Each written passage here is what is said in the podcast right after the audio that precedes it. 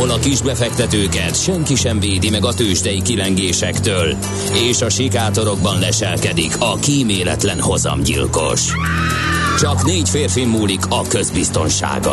Hadnagy urak, merre vannak? A mindenre elszánt és korrumpálhatatlan alakulat vigyáz a rendre minden reggel. Kik ezek az állati nyomozók? Négy férfi egyeset és egy nyalóka. Ács Gábor, Gede Balázs, Kántor Endre és Mihálovics András. Az íróasztal mögül pedig Profit kapitány diktálja a tempót. Humor, emberi sorsok, közönséges bűnözők és pénz, pénz, pénz. Egy különleges ügyosztály. A Gazdasági Muppet Show minden hétköznap reggel a 90.9 Jazzin.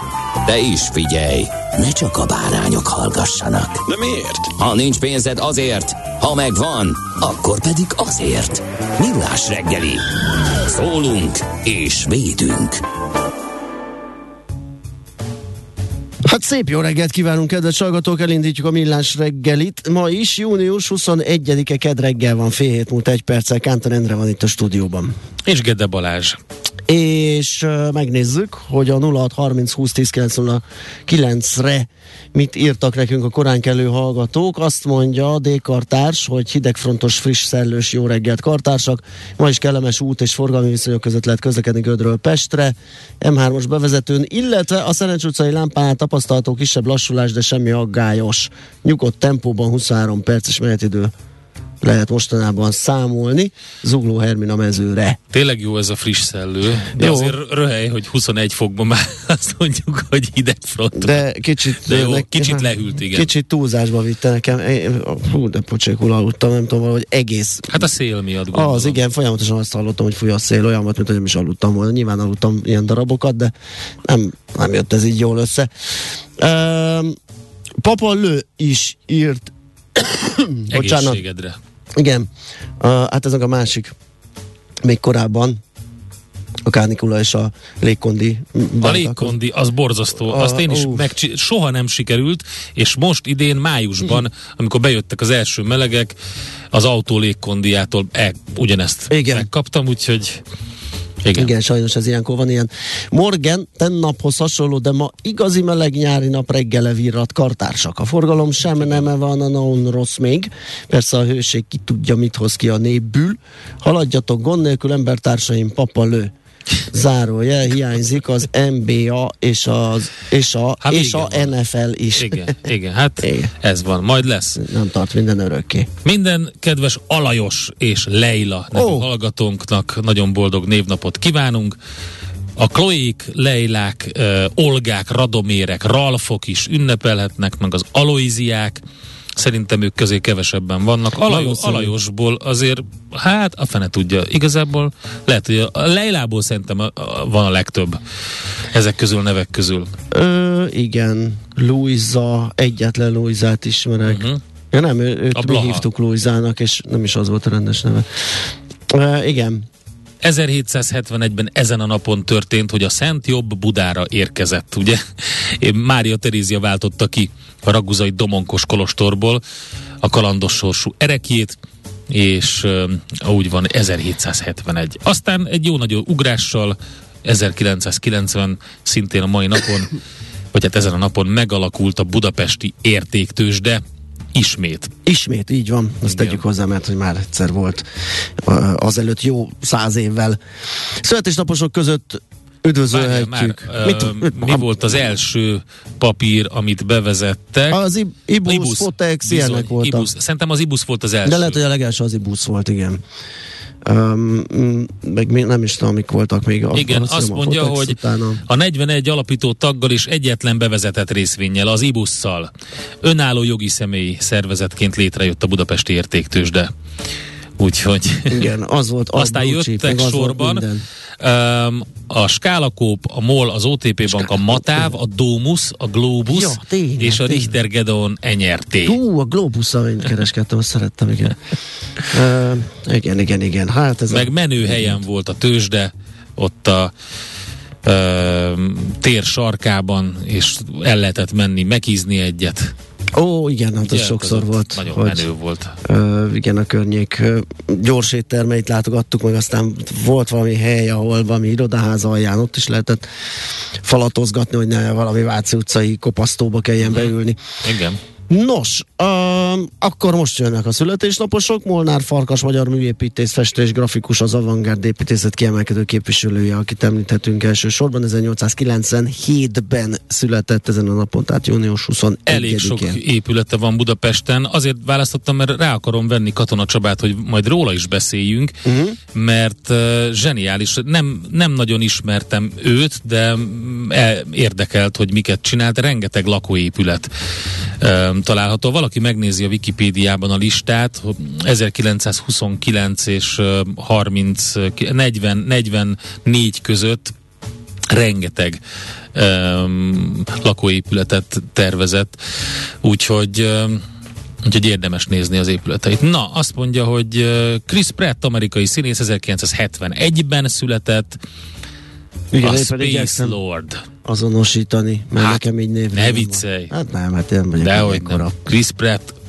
Már látom, igen, így. Space Lord. Tehát szerintem a Marvelek közül a, a legjobb. Amit Igen. A, a galaxis őrzői, és, ö, és óriási humorral, és nagyon jó Az- zené, az zenével vicces. elkövetett sorozat. Azt így meg tudom nézni bárhányszor. A fasráccal. Mert egy alkalommal óriási. Azt mondja, hogy fasrác.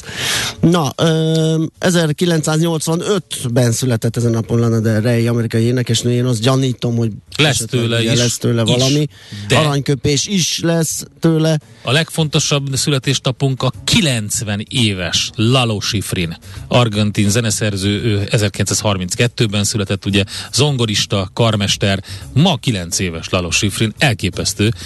É, és az, leginkább azért, mert hogy az ember megnézi a karrierjét, akkor azt lehet látni, hogy a 60-as évektől kezdve folyamatosan alkot ö, bossanova, jazz és filmzene kategóriában el, olyan filmekért, mint a, hát nyilván a 66-os Mission Impossible talán a legismertebb ö, műve, de ugye ott van például a Bilincs és Mosoly, a San Franciscoi Zsaru, akkor a, a Kelly hősei, piszkos Harry filmek, például a Magnum Force, ö, az igazságosztó, holdbiztos tip, É, szóval, és a karrierje az soha nem állt meg. Már 16 évesen a jazz felé fordult, de a bossa nova volt neki az igazi kiteljesedése. Úgyhogy Lalo Schifrin, Boris Claudio Schifrin az eredeti neve. be- becsületes neki, a teljes neve. becsületes A neve, és a becsületes Lalo az a bece neve, és folyamatosan alkotott. Me- Hogyha megnézed a, a, a, az életművét, akkor meg is lepődsz, hogy milyen, milyen filmeket is csinált az utóbbi időben filmzenéket, de tényleg szerintem, szerintem generációk nőttek fel, akiknek ő volt az idoljuk, és a- miatta lettek filmzeneszerzők, úgyhogy óriási alak. Á, nem tudom, mit mondhatunk, de valaki megírt nekünk Chris Pratt 1979-es. Ja, én nem tudom, nem mondtuk Vagy nem is mondtuk? Csak azt mondtuk, hogy ma született. Igen. Igen. Ö, aztán egy másik ö, kedves hallgatótól Chris Pratt, Brad Pitt anyukája. Igen, anyukája főleg. Ö, egy másik kedves hallgató pedig a tegnapi nap egyik legnagyobb mondását eleveníti fel nekünk. Extra profit már pedig van, mert tanítottam az egyetemet, mondta a gazdasági miniszter. Igen. Igen, Igen, tehát hát az azért egy, akkor pedig van. az egy másik Másik. Ja, ja igen. A, az új gazdasági miniszter mondta ezt. Ja, értem. De hát őről már az egyik ö, egyetemi, akit őt aki őt tanította az egyetemen, ta, a tanárnő, uh-huh. professzorasszony, már mondta neki, hogy tessék visszaülni a iskolapadba, tehát itt ez szintén a mi műsorunkban, úgyhogy izgalmas. Várjál, van, van nap. Hát menj görgez, menj, Menj, menj, görge, menj. görgezkázni, menj gördeszkázni nap van ma. Igen, az óriási. Igen, kár, hogy én nem tudok, soha nem jött össze. Tényleg? Á, egy-két nagy taknyolás, azt abba hagytam azt az egész. izé, Még a Pemüs valamin A próbálkoztam Pemű, megállni. igen, a Pemű az fantasztikus de volt. Nem, nem működött. Pirosat is, kéket is próbáltam, egyik sem Figyelj, jó. nekem most éppen, most, most egy pár hónapja csiszoltam le az egyik longboardnak az alját, most újra fogom fényezni, és visszaszerelem rá a kerekeket, mert szereztem rá igazi világító kerekeket, most ez az új. És azzal fogsz hasítani? Azzal a korzón? Igen, a, a korzón nem lehet vele hasítani. Ja. De azt már kitaláltam, hogy egy új sport kezd kialakulni, mert a kutyára rácsatoltam a hámot, Ó. és nyomattam vele a Ó. gördeszkát, és egész jó volt. Addig, amíg el nem kezdett üldözni egy macskát, amikor, amikor a nádasban már nem ment jól a 25, deszka. 25 km per óra felett beszitált a kereke a deszkának, akkor el kellett hagynom az objektumot, de, de ezt egy halál, halálugrással megoldottam, úgyhogy Hát ezzel vigyázni kell, igen. A számhúzás nyári... A kutyával nem annyira jó, rá kell szerelni egy féket így, mert nem, nem tudsz befékezni Hát az is rendesen. szép lehet, igen, amikor füstöl az a kis kerék. Éppen macska üzésben van a kutya. Na nézzük, akkor jöjjön az első dal, aztán folytassuk. Első dal kérlek szépen Lalo Schifrin, egy zseniális lemeze 1979-ben a No One Home című eh, lemezt eh, adta ki, és a Tabu Records eh, mm, lébelen jelent meg, és az, azért érdekes, mert hogy amikor meghallgattam először a No One Home címadó dalt, a 79-ben, akkor rájöttem, hogy az inspirációt a Daft Punk azt honnan vette többek között Lalo Schifrintől, hogyha belehallgatsz ebbe, vagy belehallgatunk ebbe, rá fogunk ismerni a Daft Punkos stílusra. Úgyhogy nem egy nagyon ismert Lalo Schifrin, a No One Home című lemez, 79. Nézz is! Ne csak hallgass!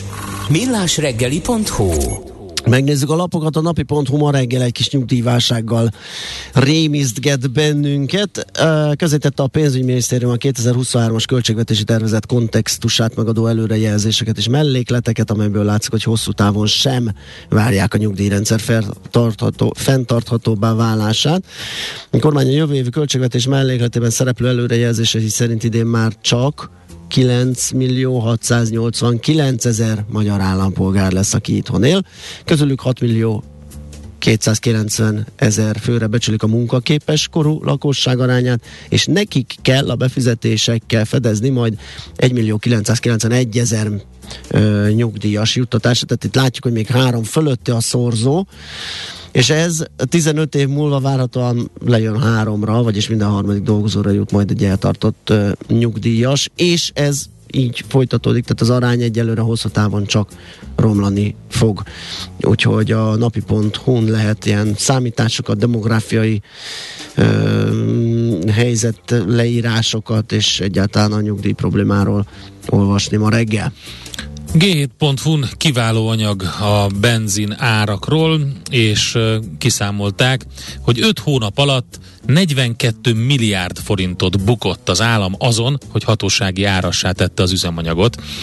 Ugye tankolás közben egy átlagos autósnak az jut eszébe, hogy a 480 forintos benzinár ö, nem éppen olcsó, de azért sokkal olcsóbb ö, a rögzített benzinár a piacinál, de abba kevesebben gondolnak bele, hogy ez a környező országok viszonylatában mennyivel kedvező bár, talán hogyha utaznak.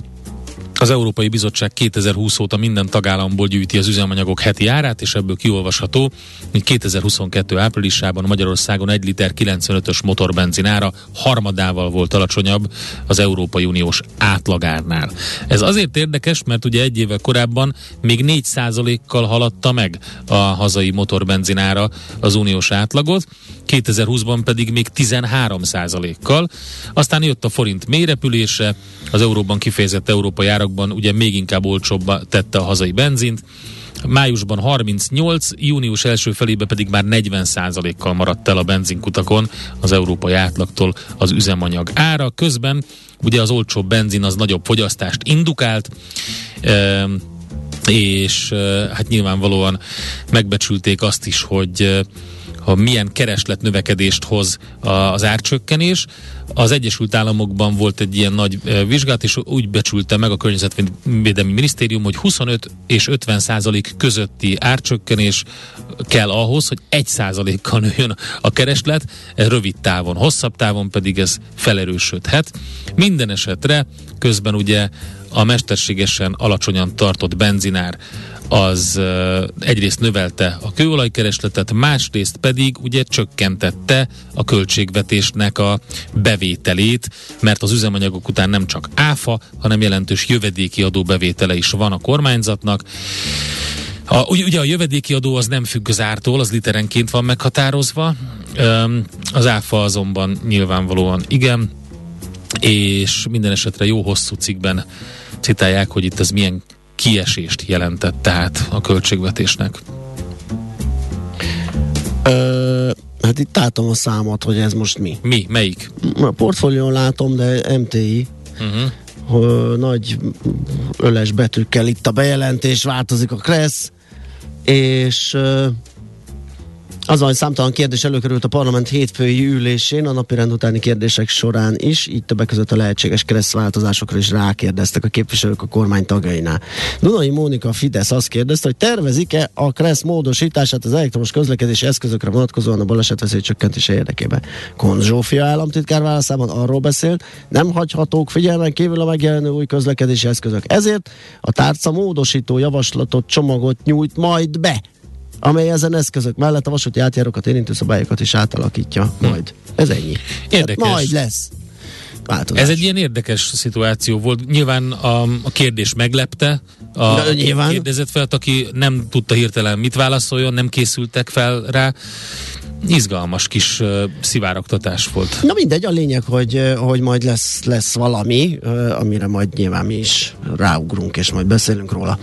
Na, azt mondja, hogy mit látsz még? Hát igazából semmit, semmi olyat, ami, semmi ami olyat. az inger küszöböm az zinger küszöb. Hát annyi, hogy a BBC-n ugye vezető sztori a nagy sztrájk, egy hát nem tudom, több évtizede a legnagyobb közlekedési dolgozói sztrájk van Nagy-Britanniában, az Egyesült Királyságban, bocsánat, és a vasúti dolgozók szakszervezete kezdte el, ráadásul egybe esik a különböző metrós szakszervezeteknek a sztrájkjával, úgyhogy London és környéke az biztos, hogy káoszba fullad, de nagyon sokan azt mondták, hogy ez egyáltalán nem tesz jót jelenleg Boris Johnsonnak, és és az biztos, hogy nagyon sokan meg fogják, meg fogják ezt csínleni, ezt a közlekedési sztrájkot, dolgozói sztrájkot az Egyesült Királyságban.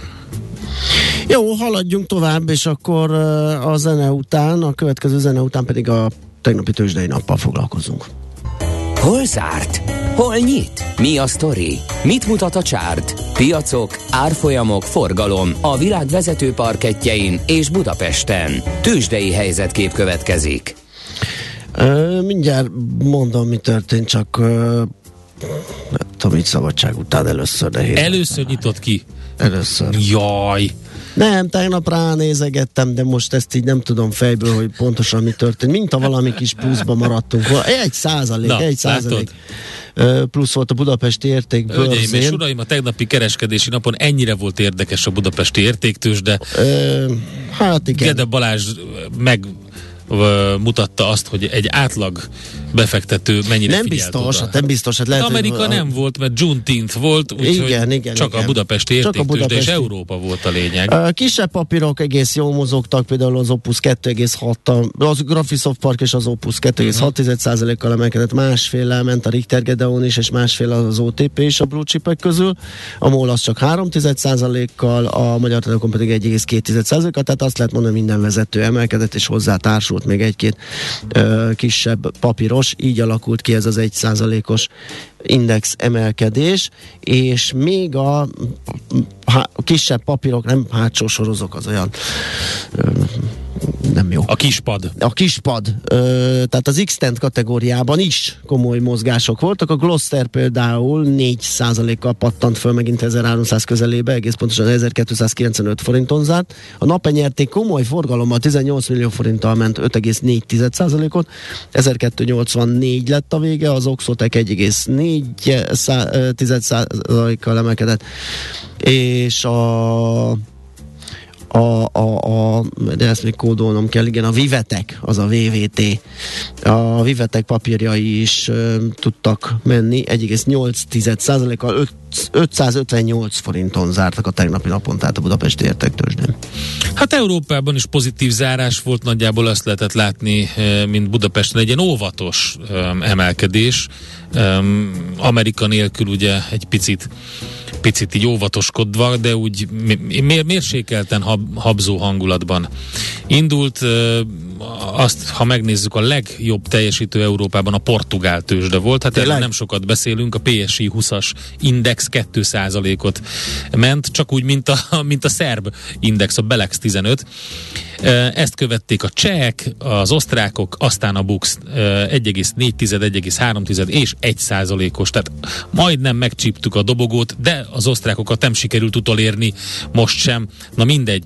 A DAX 0,9 százalékot erősödött, a Párizsi Kakkaron 0,5 százalékot. Hát azt nem is tudom, hogy hogy hozták össze, mert ott aztán van meglepetés bőven Marine Le Penékkel. Még az is lehet, hogy...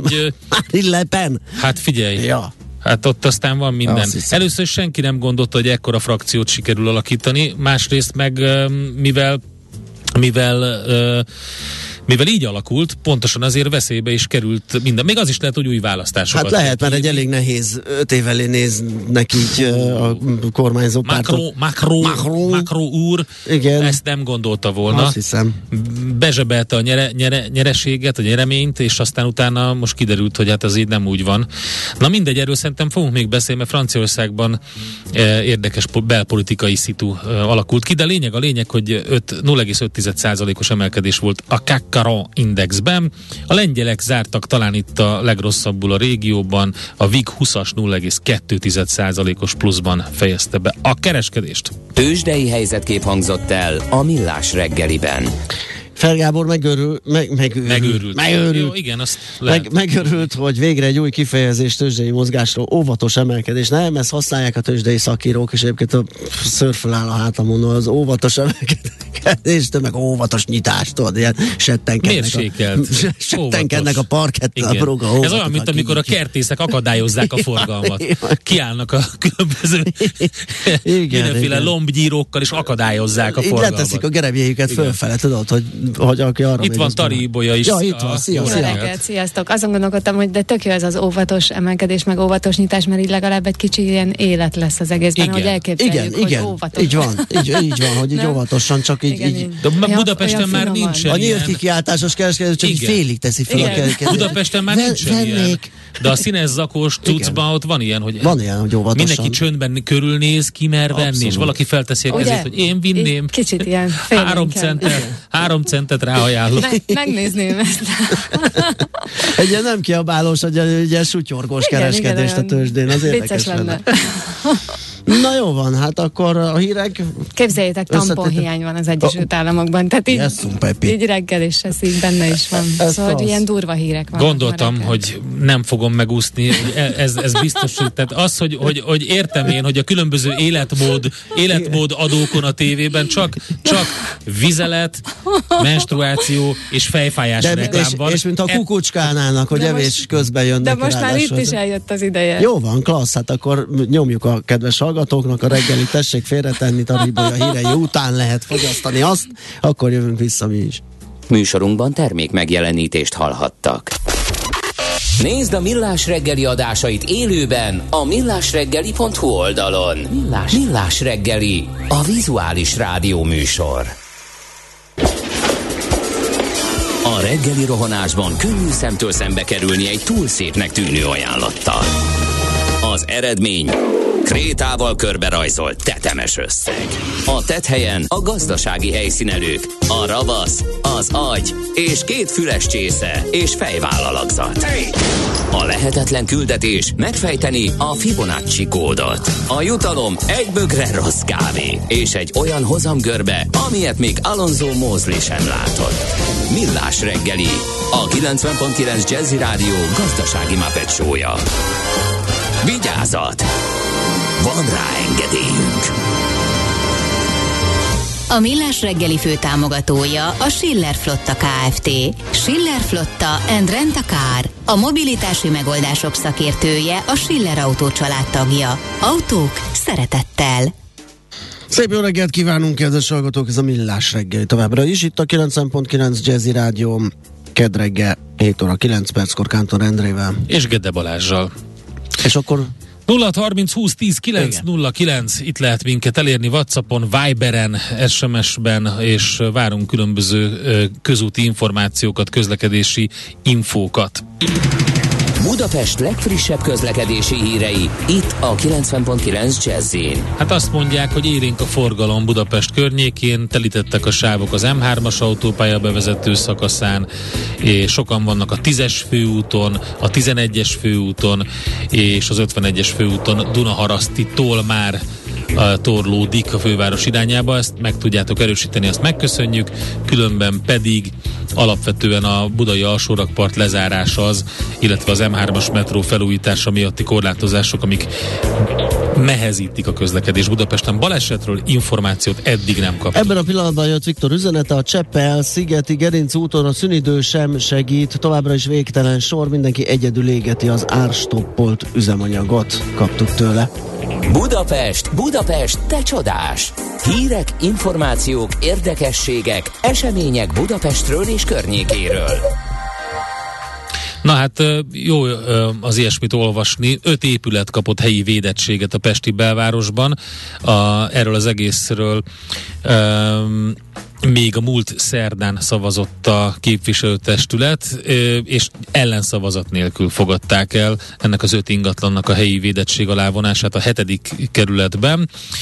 É, ugye ezt a folyamatot a nemrégiben újra megalapított értéktárbizottság indította el, aztán annak az elnöke, aki a kerület egyházügyi civil alpolgármestereként is tevékenykedik, Szűcs Balázs ő vitte a testület elé, és kerületben jelenleg eddig mindössze három egyedi ingatlan számított helyi védetnek, ez a Nagy Diófa utca 8, a Damjani utca 17, illetve e, utóbbinak az első emelet egyes számú lakása, így a szám most nyolcra nőtt. A lista új darabjait a Déri Attila építész történész által készített felmérésben foglalt információkkal lehet megnézni a 24.hu-n a, végig lehetni. Akácfa utca 63, Dembinski utca 44, Hernád utca 22. Most mi van? Még a Kisdiófa utca 3A és a B és a Síp utca 6. Most az a kérdés ugye, hogy nagyon klassz, és nagyon örülünk neki, és reméljük ez tényleg védettséget is ad.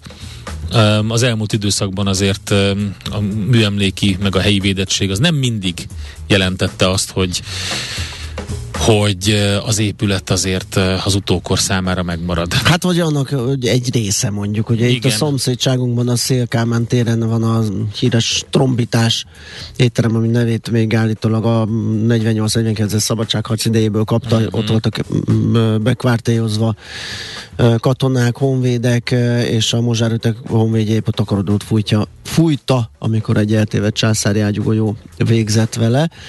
A lényeg, hogy azt most már elkezdték így bontogatni, felújítgatni, nem tudom mit csinálni vele, de elég furcsa, hogy egy eltűnt egy felső testét elvezített lovagló puttó, június 16-ára nyomtalanul eltűnt, eltűnt, és a társát pedig a bontási terület előtt álló konténer mellé helyezték. Képzeld el. Az egyik puttó eltűnt, a másik meg ott volt a konténer. Igen, Kidobták igen, igen. Konkrétan. Kidobták konkrétan a száz évnél idősebb ö, homlokzatot. Tényleg? Ja, most nézem a fotókat, én is ott szépen ott van a, ezzel az oromzattal együtt a puttó. Igen. És a, az egészet végül is a száz éves szobrot a, másnap az önkormányzat halázta ki igen, a igen, igen, igen, mint amikor te véletlenül nem tudom, kidobod a bérlet szelvényedet, uh-huh. az derékig bent vagy a kukába, ők úgy szedtek ki egy puttó szobrot, mert kidobta valaki. Egy érdekes egyébként, nem volt, ez az egész súlya miatt nem volt mozdítható, így előbb a Kisceli Múzeum egy munkatársát, majd a második kerületi önkormányzat sajtóosztályát is megkereste a 24.hu, remélve, hogy van lehetőség ennek a két mázsás alkotásnak a megmentésére. A múzeum munkatársa válaszában kijelentette, helyi hiány miatt nem tudják bevenni a szobrot, a kerület polgár, polgármestere Őrsi Gergely pedig, ugye itt ez a második kerület, másnap este 10 óra után a Facebookon, illetve különböző felületeken egyre szaporodó posztoknak köszönhetően intézkedett, és így az időközben már a konténerbe hajított szobrot, tehát oda is bele Aha. dobták, előbb a városrendészet teherautójával, illetve embereivel próbálta elszállítani, nem jártak sikerrel, végül a Rózsadomb önkéntes tűzoltó egyesület segítségével évfél előtt sikerült begyűjteni. A sérült párját a szobornak azt nem sikerült eh, előkeríteni. Lehet, hogy a korábban elszállított konténer tartalmával együtt építési törmelékként. Sítként, építési törmelékként elvitték. Hát az igen, az hát, ez nem is értem. Um, és akkor még egy hírünk van, ami szerint Budapest és Birmingham pályázik 2026-os atlétikai Európa bajnokság megrendezésére.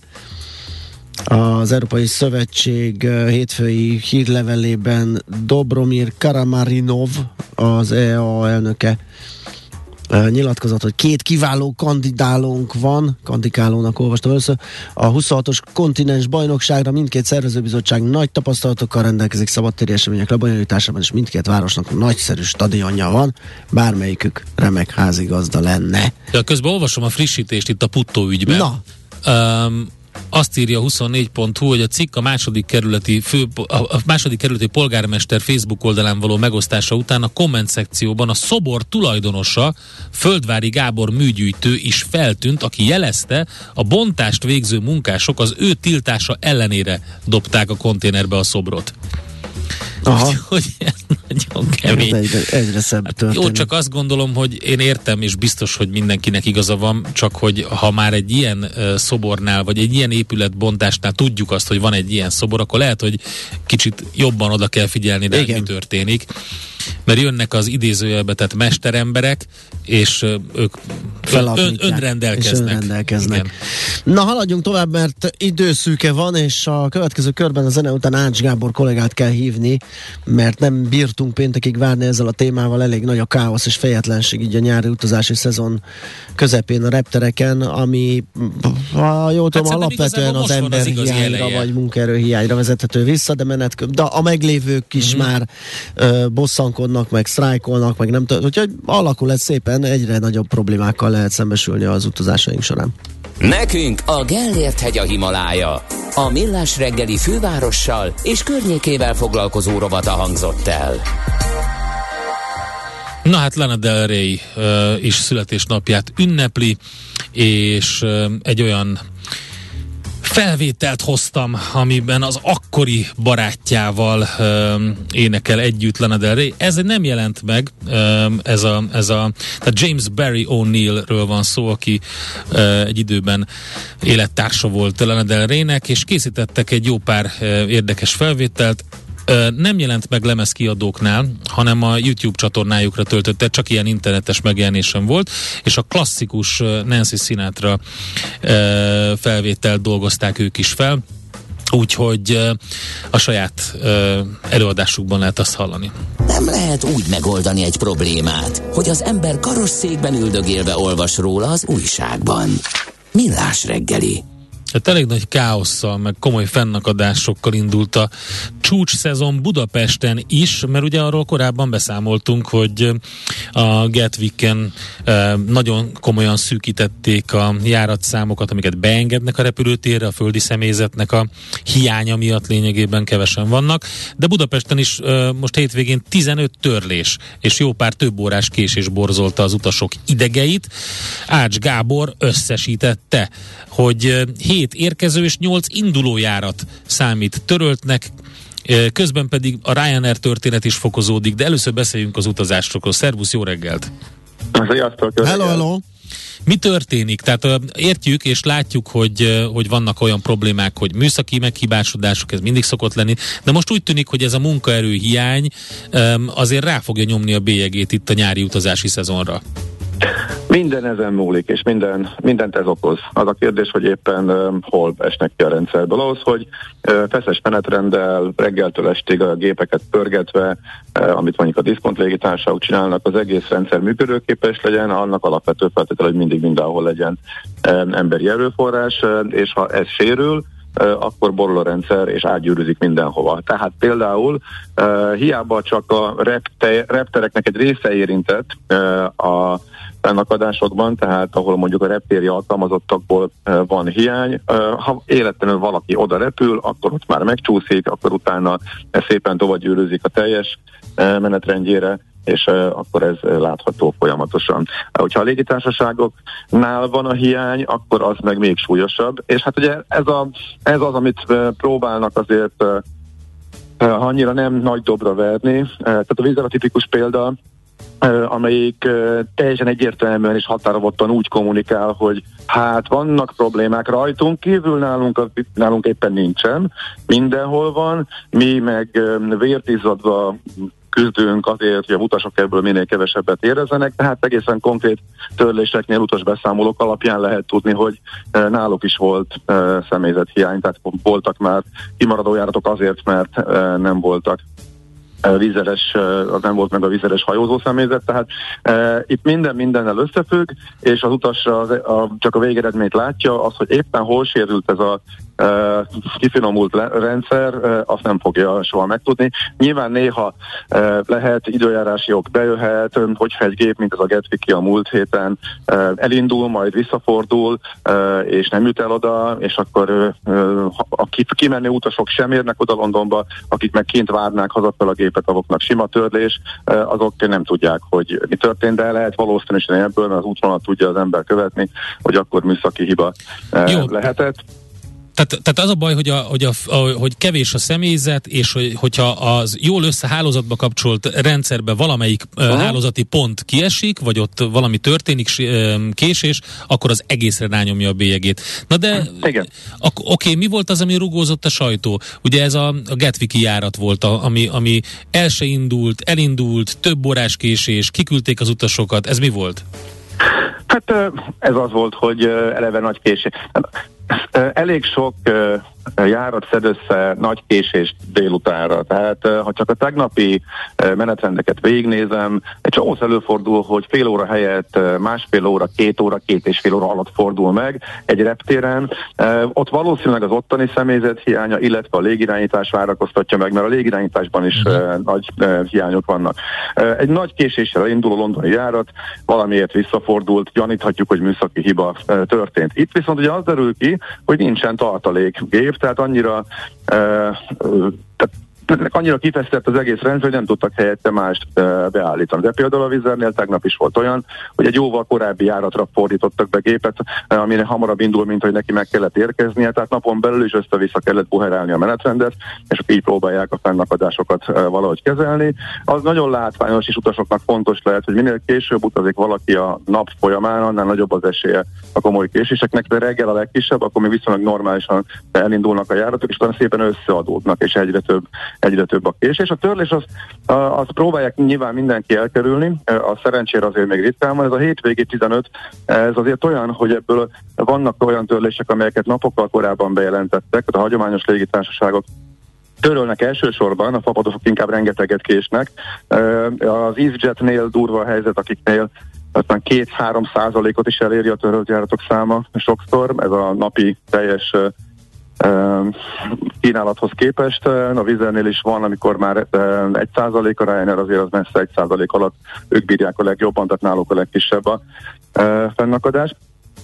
De a lényeg az, hogy a hagyományos légitársaságok uh, inkább már, amikor látják, uh, hogy uh, nem lesz meg a megfelelő személyzetük, akkor előtte már azért hetekkel törölnek, és egyébként erre próbálják a hatóságok is a légitársaságokat rászorítani, hogy az utolsó pillanatos törlés, amikor már ott van az utas a reptéren, és akkor jó, hát töröltük, ehelyett inkább nézzenek elő, és amikor látják, hogy nagyon-nagyon necces a rendszer, akkor inkább csinálják meg hamarabb. A vizernek az az őrületes menetrend módosítás, hogy mindenki máskor utazik, mint ahol vette Ez azért volt, mert az egész menetrendet emiatt a káosz miatt újra szabták, és máshogy alakították ki a e, fordulókat. E, ők nagyon-nagyon szoros menetrenddel terveztek szokás szerint, és az nem lehetett tartani, abból lett volna e, még durvább folyamatos e, késés. És melyik a leg... és ezért írták újra. Melyik a legérintettebb? Te, tehát lehet erre valamennyire készülni utasként? Oké, okay, nyilván, hogyha a, most hallottuk a hírekbe a Gatwick, és emiatt miatt aztán Luton is ugye elkezdett késésekkel dolgozni. Aki követi a híreket és utazni akar ide, nyilván számít erre. Na de hát mit tudom én, hogyha valaki Portugáliába akar menni, vagy Olaszországba, akkor azért csak nem számít arra, hogy ez befolyásolja az ő utazását. Hát nem tudja az utas, hogy hol lehet hiány. Tehát, hogy éppen a reptéren lesz kevesebb, tehát éppen a biztonsági ellenőrzésnél lesznek kevesen, éppen a légitársaságnál lesz e, szorulás, hogy igazából semmit nem tud csinálni azon túl, hogy a, a szokásosnál sokkal-sokkal korábban kimegy a reptérre, és bízik abban, hogy az ő járata az éppen menetrend szerint fog menni, illetve hogy semmit, de semmit nem tervez szorosan érkezés utánra, hanem abból indul ki, hogy, hogy lehet, hogy sok órával később ér majd oda, mert ennek az esélye az látványosan megnőtt, meg hát látjuk a konkrét számokat, hogy minden sokkal-sokkal lassabb. Úgyhogy amit még tud Akkor tenni, ez a tip, hogy sokkal korábban menjen ki, mint szokásos? Nincs nagyon más, igen, uh-huh. nincs nagyon más, és az is, hogy meg, megpróbáljunk egy, egy sort, egy, egy hiba lehetőséget kihagyunk, hogyha nem adunk föl csomagot, tehát egyenesen, egyenesen tudunk menni a biztonság ellenőrzésre, akkor se, ha amúgy vinnénk, hát inkább vigyünk két gurulóst, ez hogy föladunk egyet, hogyha nincs olyan, amit, amit a gépre ne tudnánk fölvinni. Úgyhogy ilyenekkel lehet, és az, hogy nem fogjuk megtudni, hogy mi történik. Tehát egy teljesen jól látni a, a gépfordulókon, hogy reggel indul normálisan, és a nap végére Ryanairnél is, Wizardnél és EasyJetnél is ott vannak a, a másfél, két, három, akár négy órás késések. Tegnap is ez volt, az egész hétvégén ez volt. Akkor Tehát próbáljuk elkerülni esetleg... Kell forduló, forduláskor is, hogy erre, erre, nem tudsz készülni, és nem tudod, hogy éppen hol lesz hiány. Jó, az viszont lehet, hogy ha, ha már kialakult ez a szitu, van jegyünk, akkor legalább azt tartsuk be, amit mondtál, hogy korábban menjen ki, illetve nem érdemes utána rögtön érkezés után számítani mindenféle foglalásokkal, meg programokkal, mert ugye nem lehet tudni, mikor lesz az érkezés. Így van, így van, így van. Tehát ha nem akarunk magunkat kitolni, akkor úgy számoljunk, hogy, hogy jóval később érkezünk. Hát ha meg éppen uh, időben vagyunk, akkor szerintem megörüljünk. Tehát most, ennyi, most ennyit tudunk most ezt tenni. tenni. Jó, még hmm. egy téma van, ami, amit mindenképpen meg kell beszélni. Folytatódik ez a, a Ryanair story.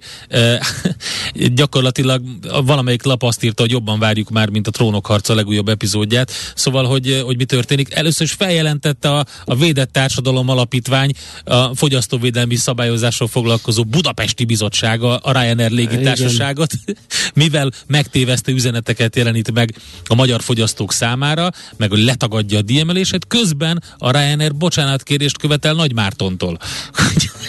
Úgyhogy megy az adok-kapok.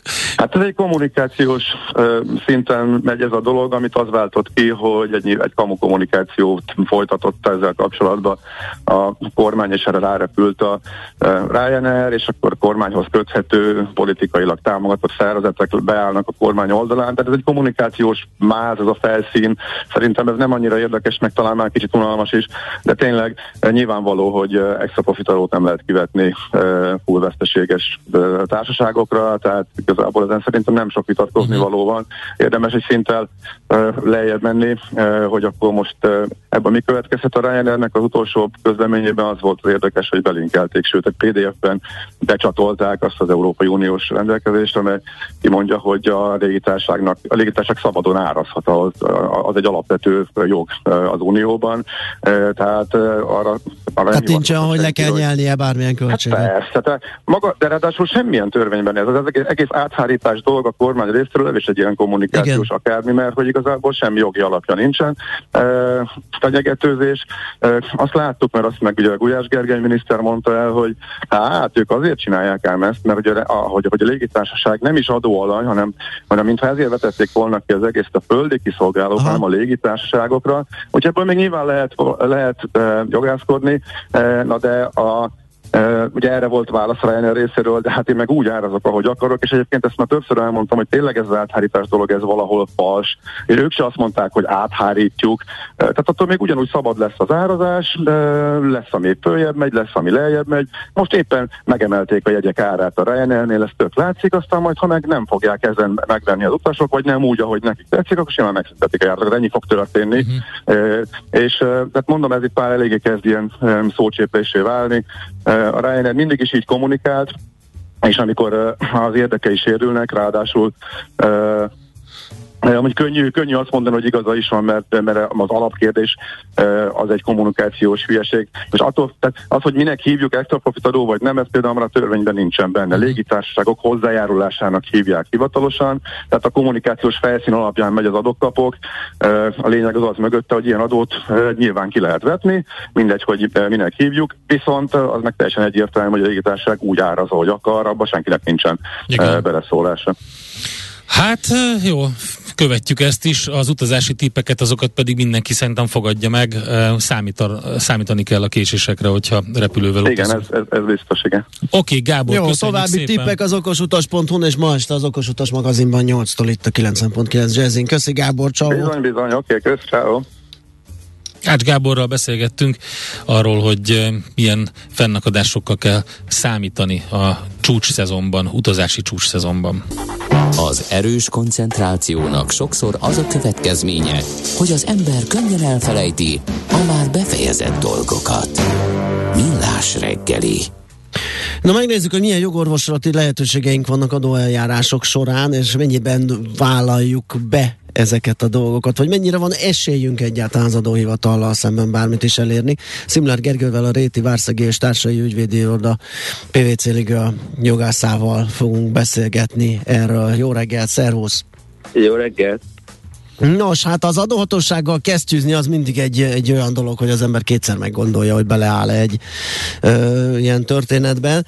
Mennyiben van erre egyáltalán lehetőségünk, mennyiben gondolhatjuk azt, hogy ennek olyan kimenetele lesz, hogy megváltoztatja a véleményét a NAV egy határozattal szemben, mik az esélyek, és egyáltalán mennyiben vállalják ezt cégek, vagy akár magánszemélyek?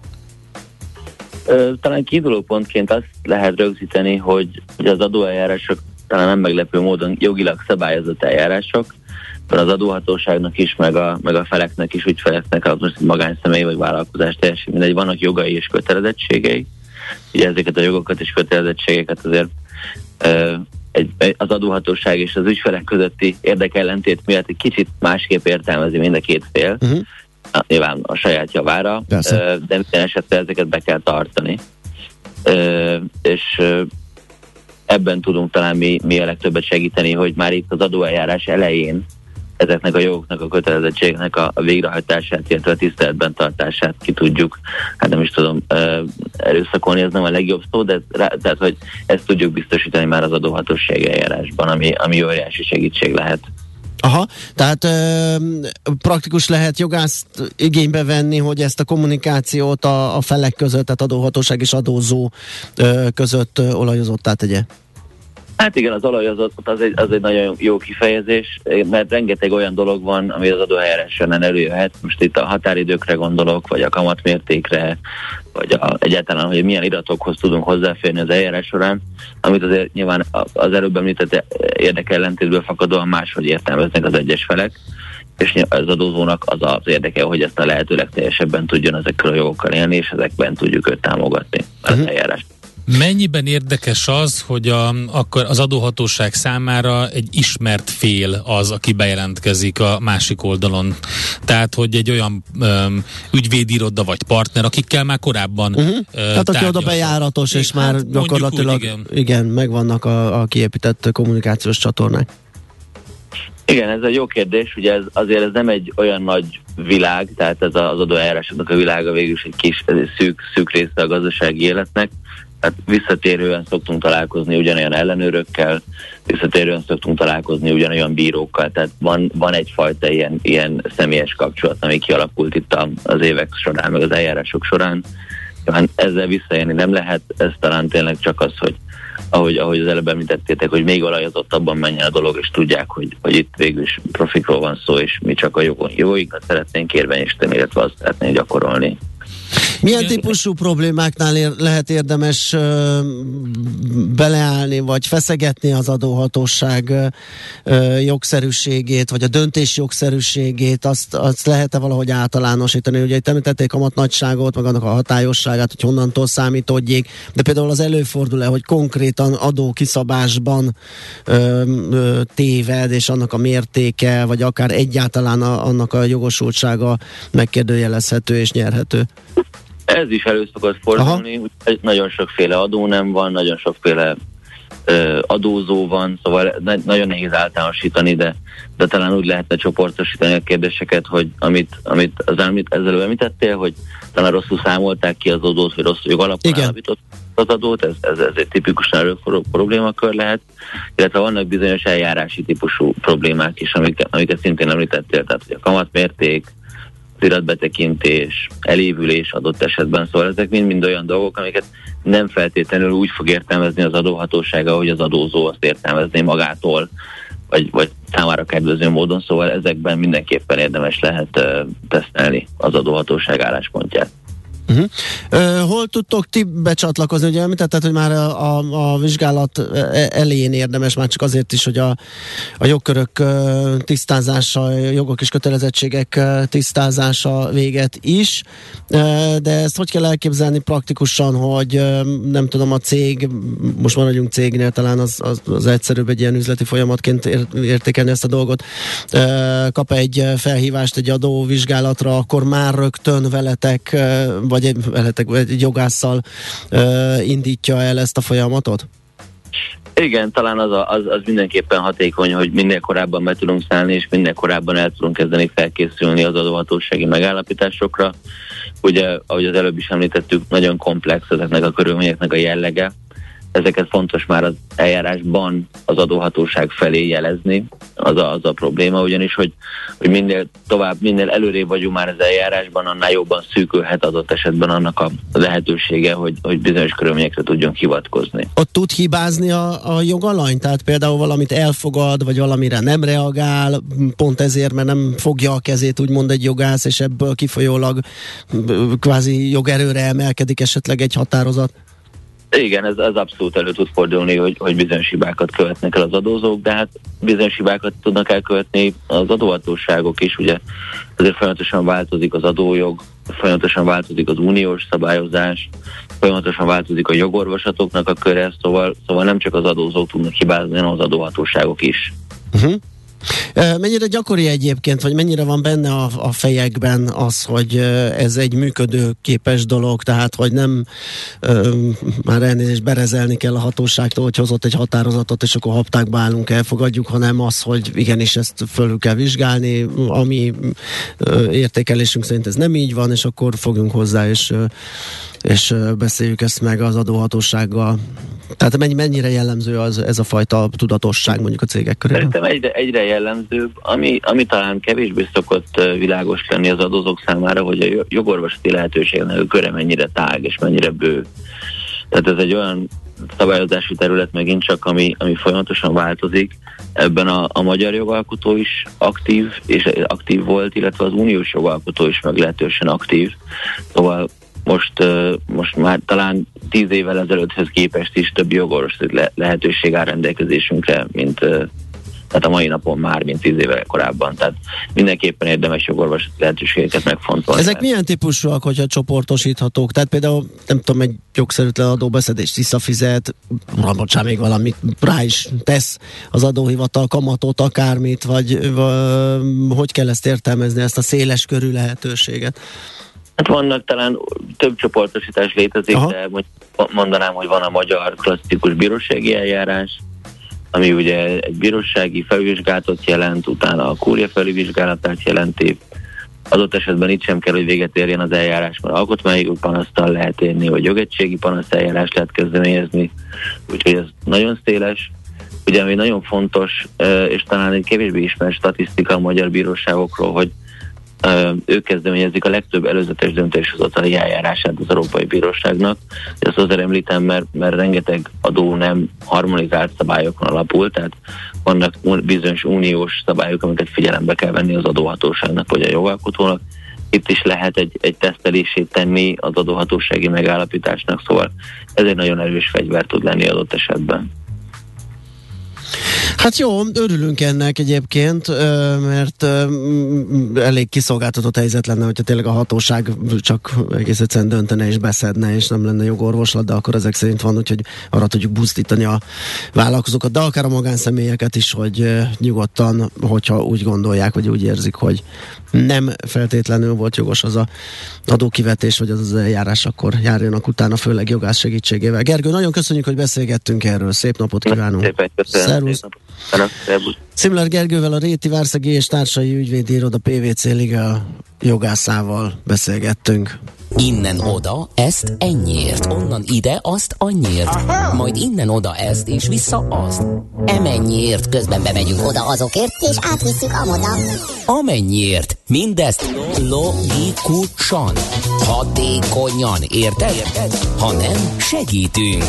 Észjáték, a millás reggeli logisztika rovata. Hú, hát kell fogalmazni, mivel is foglalkozunk a fa fuvarozásával. A vasúti fa a vasúti fuvarozással. fa fuvarozással, igen. Ez egy érdekes dolog volt, mert erről egyeztettek a, a Rail Cargo Hungária, a Rail Cargo Logistics Hungária és a magyar erdészetek vezetői. Nyolc erdészeti vállalat vezetőivel ültek le. A magyar erdők tisztaságának megőrzését szolgáló hagyományos önkéntes hulladékgyűjtési esemény keretében. Ugye itt van a környezetvédelem, és emellett a megbeszéléseknek a fő témája a vasúti fafuvarozás helyzetével összefüggő aktuális kérdések megvitatása volt. Az azért volt érdekes számomra, mert nem is tudtam, hogy vannak aktuális kérdések a magyar fafuvarozás. Hát szerintem ez, ez, ez viszonylag ritkán került terítékre, igen. és ez, ez. Éppen azért a közleményben az volt az érdekes, hogy hogy milyen mozgások vannak. Tehát a Rail Cargo Hungária szerelvényei 2020-ban közel 430 ezer tonna, 2021-ben pedig 500 ezer tonna fát továbbítottak hazai és külföldi célállomásokra, és további növekedésre lehet számítani 2022-ben a jelenlegi adatok alapján, tehát a trend az az, hogy, hogy eléggé komoly növekedés van. Hát és ennek... ez volt majd, 70, több mint 70, majdnem 80 ezer tonna növekmény volt. Igen, és ennek nagyon jót tett az ugye, hogy a, tavaly az év második félében bevezetésre került az egyes kocsi fuvarozás, ami, ami önmagában véve, hogyha csak a vasúti társaságra van bízva, ennek hogy ez rettentő költséges. Pont ezért nem nagyon csinálják de az állam beszállt és egy támogatási rendszert dolgozott ki emellé, hogy ez működjön, és ez segíthette elő azt, hogy a, az erdészetekkel együttműködve a fa, fa fuvarozás ö, gördülékenyebben működjön, és, és, és legyen erről egy, vagy legyen ennek egy ilyen fejlődési iránya. Egyébként Kovács Imrével ugye a a Real Cargo vezér, illetve hát komplikált mindenféle igazgatósági tag, nem tudom most pontosan a titulusát, mert az osztrák anyacégnél is igazgatósági tag. Bele beszélgettünk tavaly erről az átállásról, és tényleg üdvözölték, hogy, hogy ez létrejött, és ezt tette most lehetővé, hogy nyolc erdészeti társasággal, ugye? Uh-huh. Egyeztetett a a vasúti szállítmányozó cég, hogy a fakitermelés során segítsék ezeknek a szállítását. Hát az lett, ugye annyira magasak voltak az üzemi költségek, Persze. hogy meg akarták szüntetni ezt a szolgáltatást, ha nem lett volna a támogatás. Így van. Mert ugye ezeken a kitermelőhelyeken, a rakodóhelyeken, meg az állomásokon adott idő alatt csak egy-egy vagonnyi mennyiség gyűlik Tehát össze. Tipikus egy olyan terület, ahol ez az egykocsis szállítás, Igen. ugye ez, ez tökre jól működhet, és ezért hoztak létre egy ilyen érdekes kezdeményezést, a magyar fa versenyképességének javítását is célzandó, illetve hát hozzájárul ehhez hogy különböző helyeken feladott szort küldeményes vagonokból hat állomási gyűjtőponton irányvonalat az képeznek. Az nincs benne sajnos, hogy ugye, mert az, hogy belföldi és külföldi célállomások, de hogy mondjuk ebből az 500 ezer tonnából, ami tavaly volt, hogy ebből mennyi megy külföldi célállomások, az érdekelne engem, mert az biztos, hogy baromira megdrágult a fa, mint alapanyag. Hát az igen. Nem csak azért, mert, mert tehát nem csak a tüze, tűzifa, ugye az egy külön kategória, hanem, hanem az különböző építkezéseknek, építkezésre használt alapanyagként is. Úgyhogy kíváncsi lennék rá, mi történik? Különben egyébként pedig a lakosság egyre, több, egyre, egyre jobban táraz be tűzifából Hát igen, gondolom ott, ahol lehetőség van rá, mert van olyan fűtőberendezés, ott lehet, hogy elindult egy ilyen tartalékolás is itt a gáz para kapcsán. Ugye hát egyelőre a rezsicsökkentés miatt az árak nálunk még fixáltak, de aztán kérdés, hogy ellátási problémák igen. nem lesznek előbb-utóbb, úgyhogy el tudom képzelni, hogy egy ilyen reflex, vagy egy ilyen reakció a lakosság körében. Tervezés, szervezés, irányítás, ellenőrzés. Kössük össze a pontokat. Észjáték. A millás reggeli logisztika rovata hangzott el. Azon gondolkodtam, hogy egész végig beszélgettünk erről, és miért nem a szállítás szót használtad? Miért a fuvarozás hát, az, Azzal használtad? kezdtem, hogy gondosan meg kell ezt uh, jól fogalmazni, hogy a véletlenül sem lehessen félreértető, hogy valójában mi a témánk. Legközelebb a fa fuvarozás fa a szállítás szót használd. Jó, hát ennek a termék körnek a szállítmányozása egy fontos feladat. Az egykocsis fuvarozás kapcsán ez meg is valósul. Kérlek szépen, tudom, Nagyon ügyes vagy. Na, de viszont megyünk tovább akkor Taríbolya híreivel, és utána visszajövünk, folytatjuk a millás reggelit itt a 9.9 Jazzin. Műsorunkban termék megjelenítést hallhattak. Hé, hey, te mit nézel? Nem tudtad? A Millás reggelit nem csak hallgatni, nézni is lehet. millásreggeli.hu Nézzünk, mint a moziban!